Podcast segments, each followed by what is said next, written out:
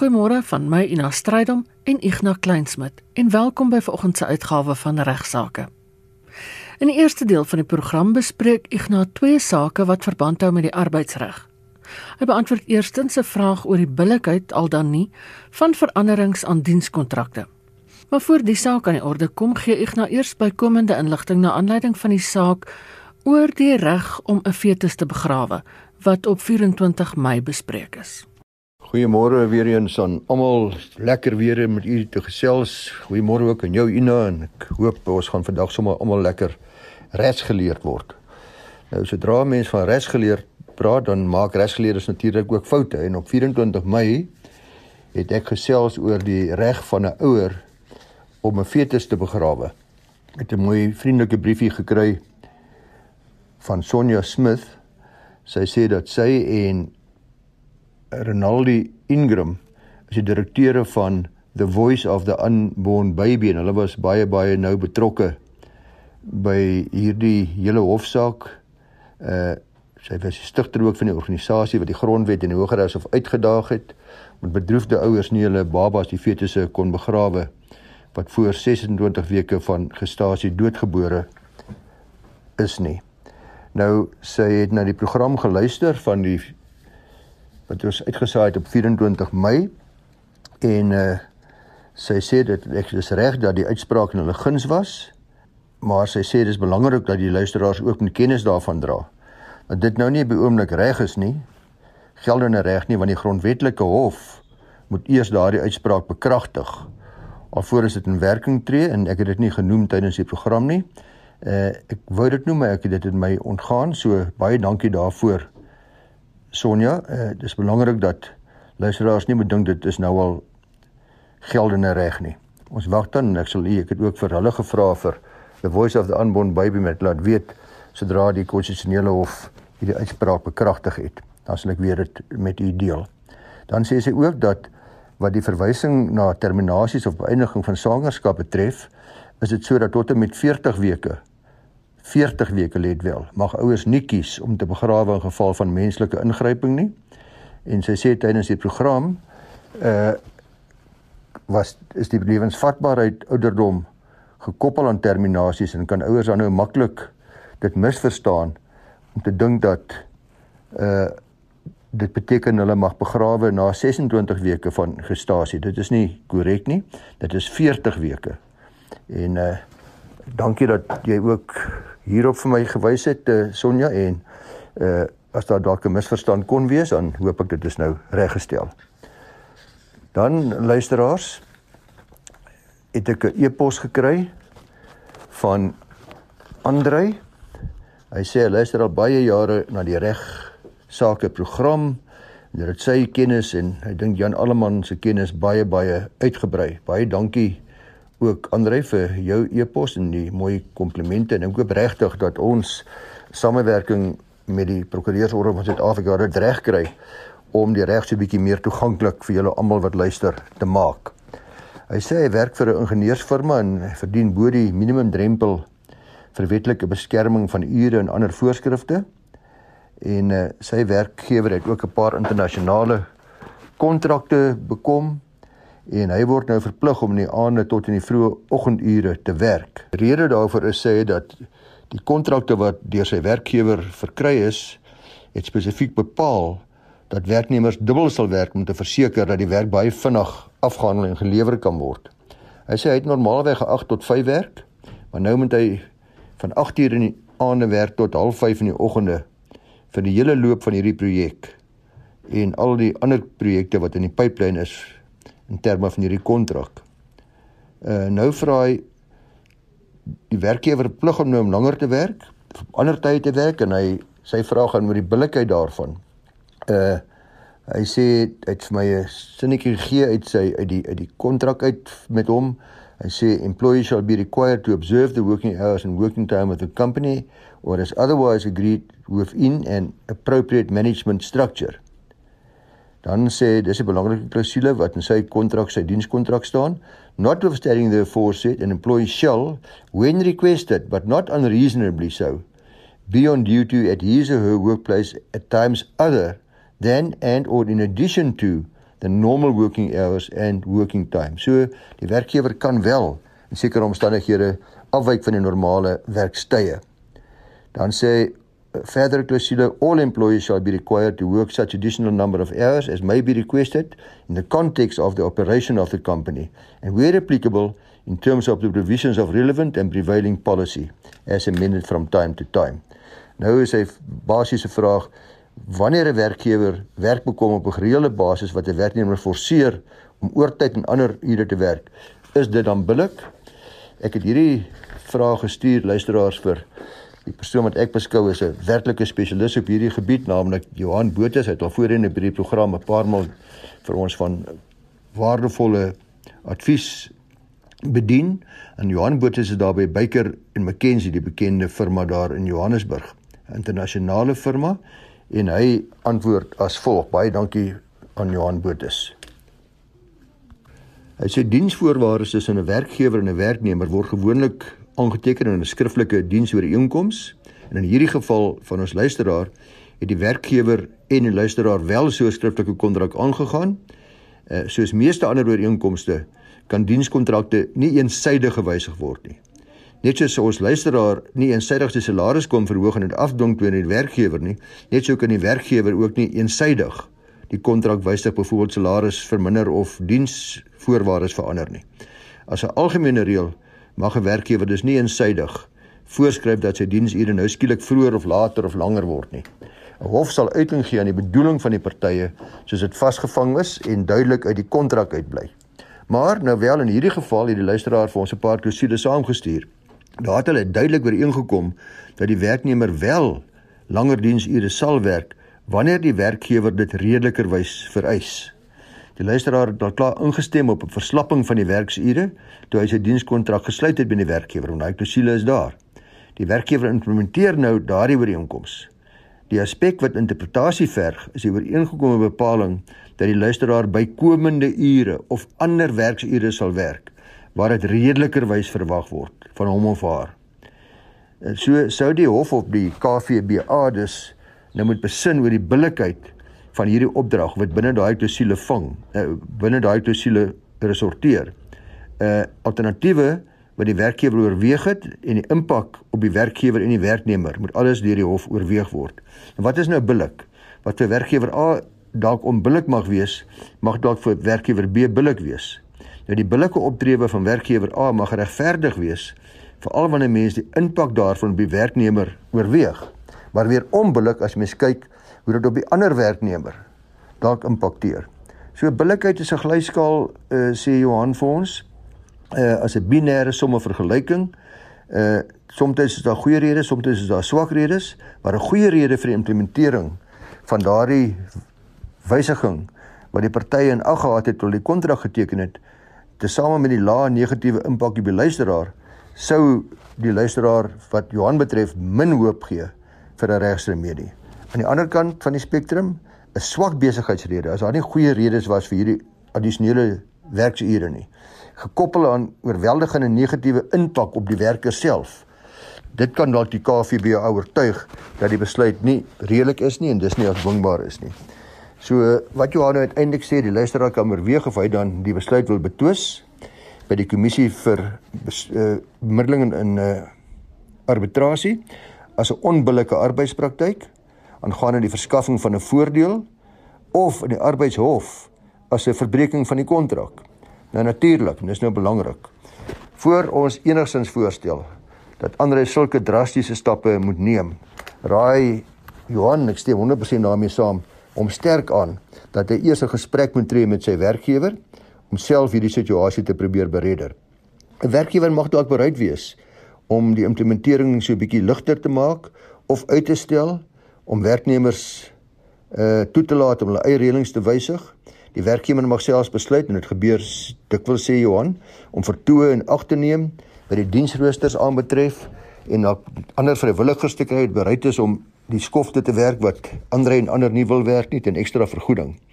Hy stel ook voor dat die werknemer gelief moet neem uh van die feit dat die werkgewer wel die besigheidsredes kan gebruik om afleggings te implementeer waar die skofpatroon, dis nou soos ooreengekom in die dienskontrak, nie meer die besigheidsbehoeftes bevredig nie.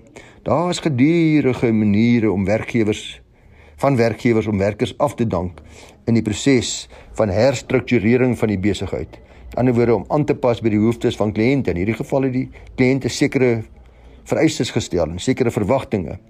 Uh die luisteraar kan dus maklik vasval in 'n tamaletjie waar die dienskontrak uiteindelik kan seefuur uh en waar die werkgewer dan werkers kan aflê omdat die huidige struktuur en rolle nie meer aan die besigheidsbehoeftes van so 'n maatskappy voldoen nie. Dis baie goeie advies luisteraars. Mense moet baie mooi ding vir die sommer net elke keer jou werkgewer wil KVBA toe vat.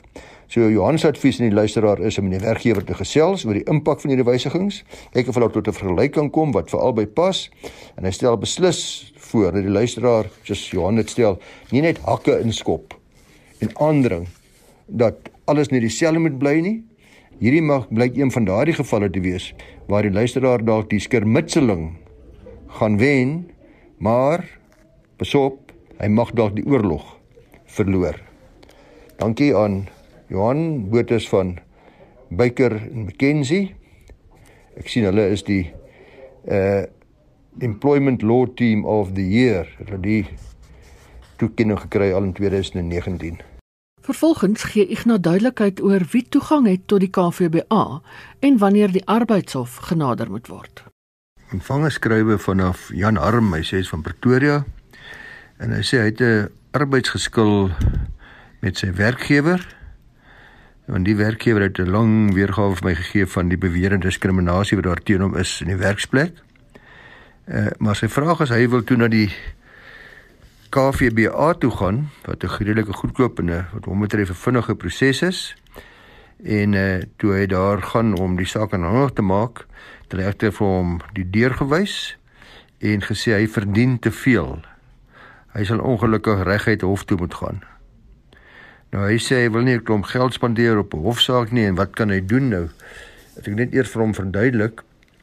Ons praat van 'n inkomste drempels waar daar onderskei word tussen sekere werknemers wat betref hulle regte en hulle toegang tot sekere howe. Uh die minister van indiensneming en arbeid uh maak van tyd tot tyd die inkomste drempels wat van toepassing gewees in terme van die wet op basiese diensvoorwaardes bekend en het dit weer op 1 Maart hierdie jaar gedoen. Uh en op hierdie stadium is daar twee drempels, is bo en onder die dit verhoog hierdie wet op basiese diensvoorwaarde drempel, die inkomste drempel na R211.596.30 per jaar. Dit gee jou maandelikse bruto inkomste van R17633 rand. Dit was eers 205 so so 6000 so 500 rand per maand meer as die vorige een wat in 2014 geïmplementeer is. Maar op die oomblik is daai drempel 17633. So as jy meer as dit verdien, dan is daar sekere bepalinge op jou van toepassing. As jy minder as dit verdien, is daar weer ander bepalinge.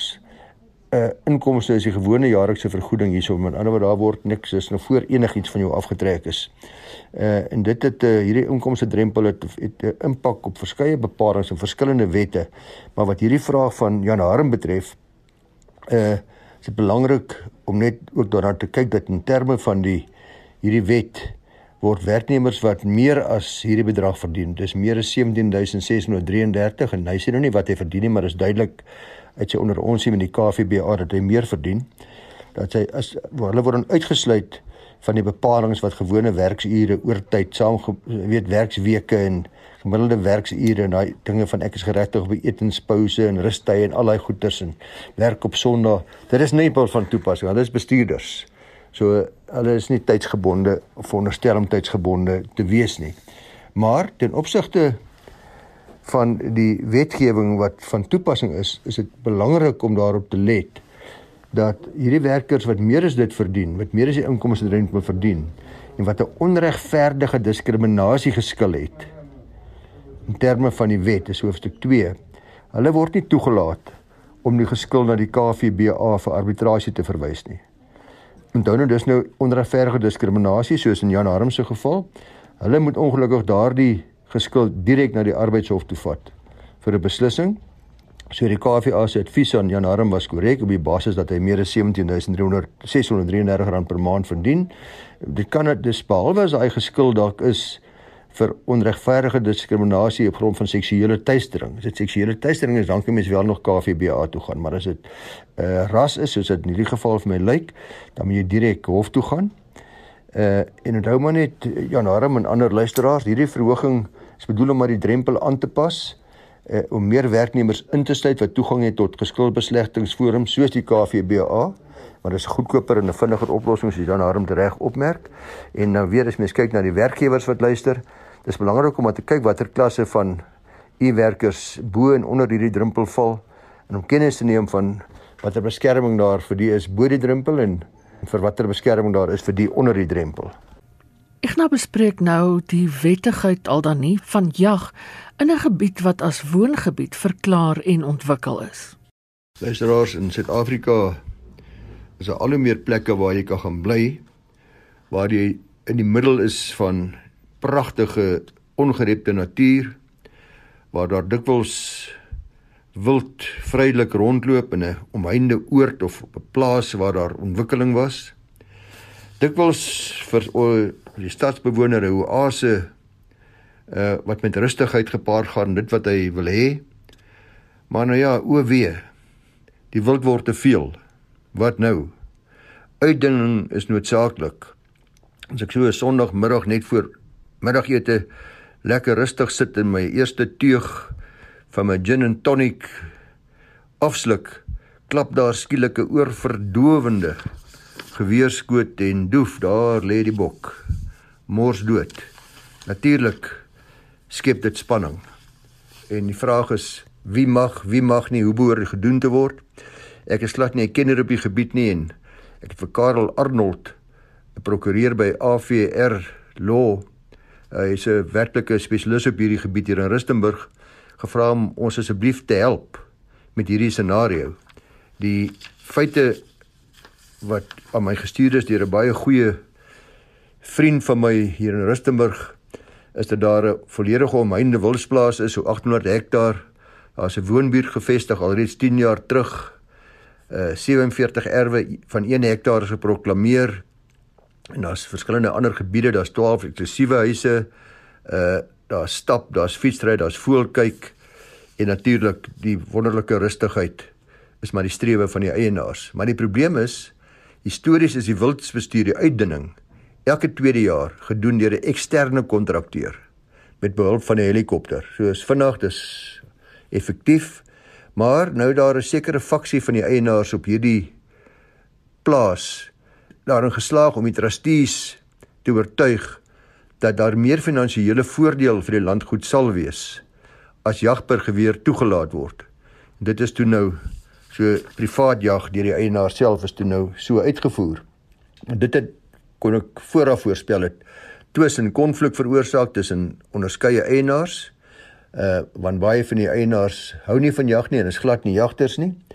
En die vraag wat hy nou vir my vra is of jag op so 'n verklare dorpsstigting wel wettig is of nie en hoe werk dit?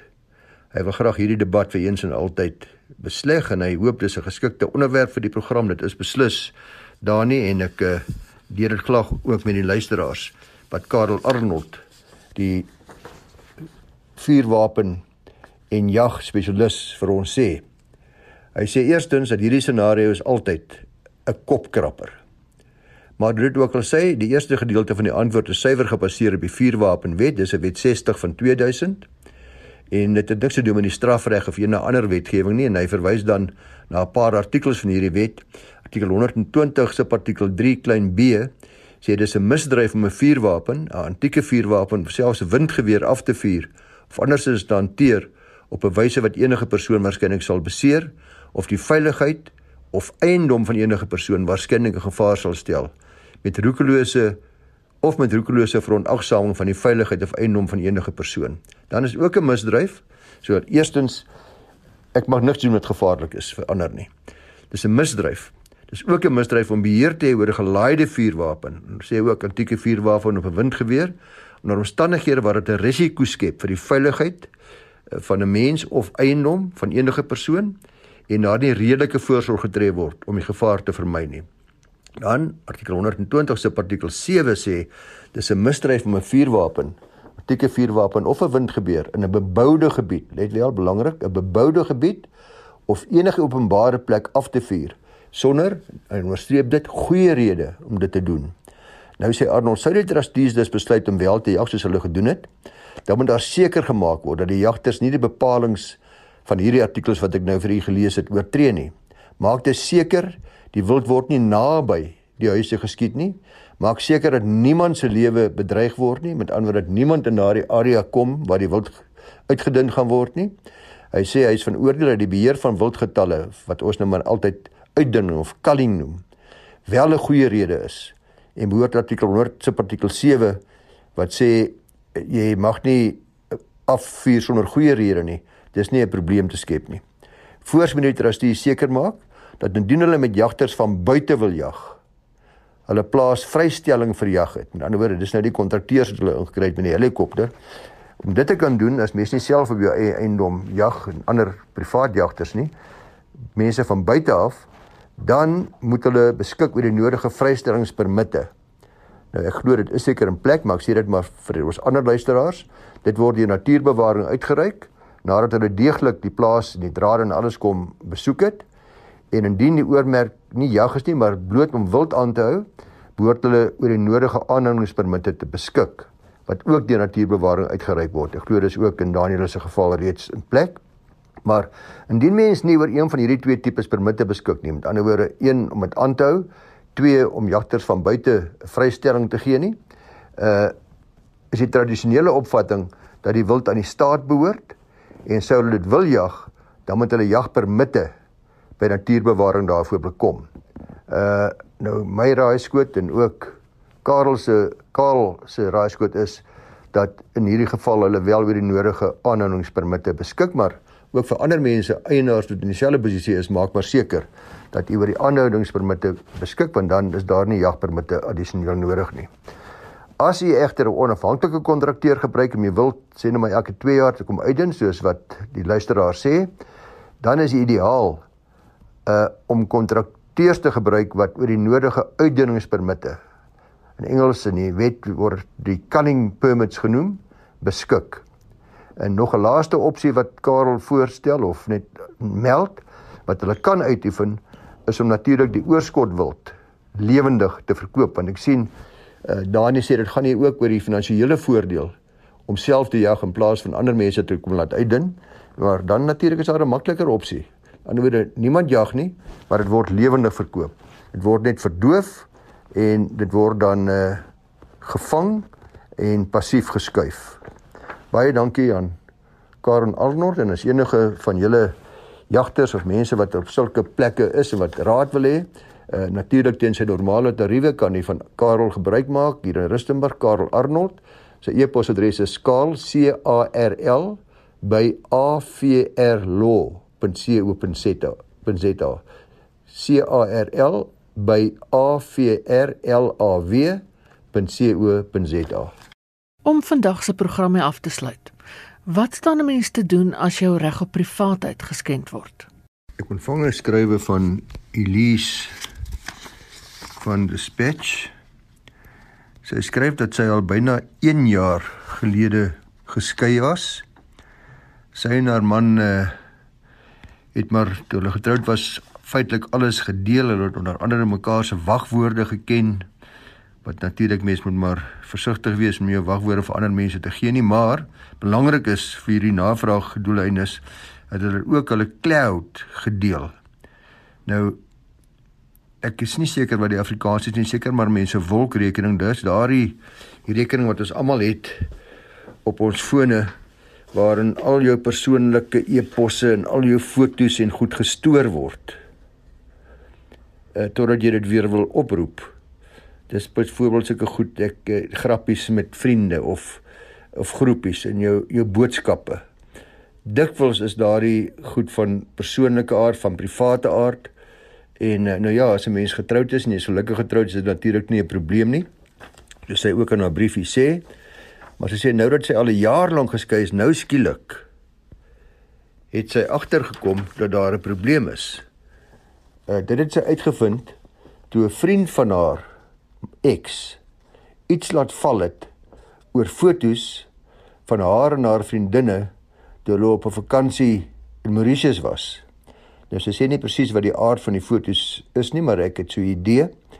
Maar is duidelik sê sy dis van baie persoonlike en private aard en beslis nie vir ander mense bedoel nie, dit was net tussen hulle vriendinne. En sy sê sy toe die vriend van haar eksman gekonfronteer en gesê maar hoe weet hy daarvan en waar het hy dit gesien? En dit blyk toe uiteindelik dat haar eks nog steeds toegang het tot die gedeelde cloud rekening en al haar boodskappe in dingetjies wat sy in haar lewe doen nog steeds volg en dit blykbaar ook met ander deel. Sy vra of sy hom hof toe kan vat. Uh sy sê sy was alreeds by 'n prokureur, maar die prokureur het 'n uh, skrywe gerig waarin hy hom bloot waarsku om uh nie te versprei nie. Uh maar sy wil ook graag kyk of sy nie interdik teen hom kan kry nie, hofbevel nie. Nou, dit is so dat een van die opsies natuurlik uh Elise kan wees om die gesinsgeweld hof te nader. Uh daar kan 'n mens 'n beskermingsbevel kry, maar dit is in gevalle van uh ek het dit al redelik volledig met luisteraars bespreek in 'n vorige program, maar dis in gevalle waar mense praat van tuistering en intimidasie en daai soort van dinge. Nou as hy hierdie goed gebruik om jou te tuister, om jou te na te kom, uh dan geen twyfel nie kan jy interdik gaan kry wat 'n baie goedkoop proses en 'n baie maklike proses sonder prokureurs ensovoorts met die hulp van die klerk van die hof uh om gesinsgeweld interdik te verkry wat dan op beteken sal word en wat hom dan sal verbied uh om dit te doen en daar's dan 'n keerdatum gewoonlik waar hy moet kom aanvoer hoekom dit permanent gemaak nie permanent gemaak moet word nie maar in hierdie omstandighede is ek oortuig daarvan sal daar nie oppositie wees nie sal hy bevestig sal hy be besef dat hy dadelik daarmee moet staak. Maar ek het al by herhaling op hierdie program gewys na ons grondwetlike regte vir al wat betref menswaardigheid en privaatheid. En natuurlik moet ons mekaar se regte en menswaardigheid en privaatheid respekteer en indien ons dit nie doen nie, dan het ons moeilikheid. Dan is daar dan kan ons en Elise in hierdie geval stappe neem. Uh dan mag byvoorbeeld sonder twyfel nie op jou persoonlike e-pos, jou persoonlike inligting inbreuk gemaak word nie. Uh daar is al 100 keer deur ons howe gesê dat privaat inligting wat verkry is in 'n verhouding tussen twee mense of dit nou 'n eggenote is en of dit nou net 'n liefdesverhouding was, daardie inligting wat ons met mekaar gedeel het waartoe ek toegang gehad het, mag nie daarna gebruik word met die doel om my te verneder of my te na te kom of my reputasie enigstens aan te tas nie, uh my dignitas aan te tas nie. En as dit indien daar enige sulke skending is, dan sal Elise sonder twyfel en dit lyk of dit in hierdie geval so is, met redelike gemak kan slaag om 'n hofbevel te verkry om haar privaat en vertroulike inligting te beskerm. Dit sluit in dat ek mag glad nie daardie goed versprei nie uh die ander persoon nie. Ek mag dit nie met ander mense de, de, uh, deel nie. Ek mag dit nie publiseer nie. Ek mag dit op geen manier gebruik nie. Dit is nie myne nie en ek kan dit slegs doen met die toestemming van die persoon uh, wie se privaat inligting dit is. So ja Elise, jou prokureur wat jy gaan sien het is reg. Ek sou normaalweg in so 'n geval uh ook eers 'n skrywerig aan die teenparty waarin ek vir hom sê dat ek waar kom dreig met met stappe uh om 'n hofbevel te verkry en vanaf hom 'n onderneming aanvra dat hy onderneem om dadelik alle verspreiding en deel daarvan in publikasie ensovoorts uh te staak en en die geraakte fotos en ander dinge wat jy as privaat beskou te vernietig. En om dan ook sê as hy dit nie wil doen nie dan laat hy my geen keuse as om hof toe te gaan nie en dan sal ek die hof ook vir hom spesiale koste beveel dat hier om te gee as gevolg van sy halstarrigheid sy moetswillige weiering terwyl hy duidelik terwyl hy waarskynlik baie goed besef dat 'n inbreuk maak en jou regte skend.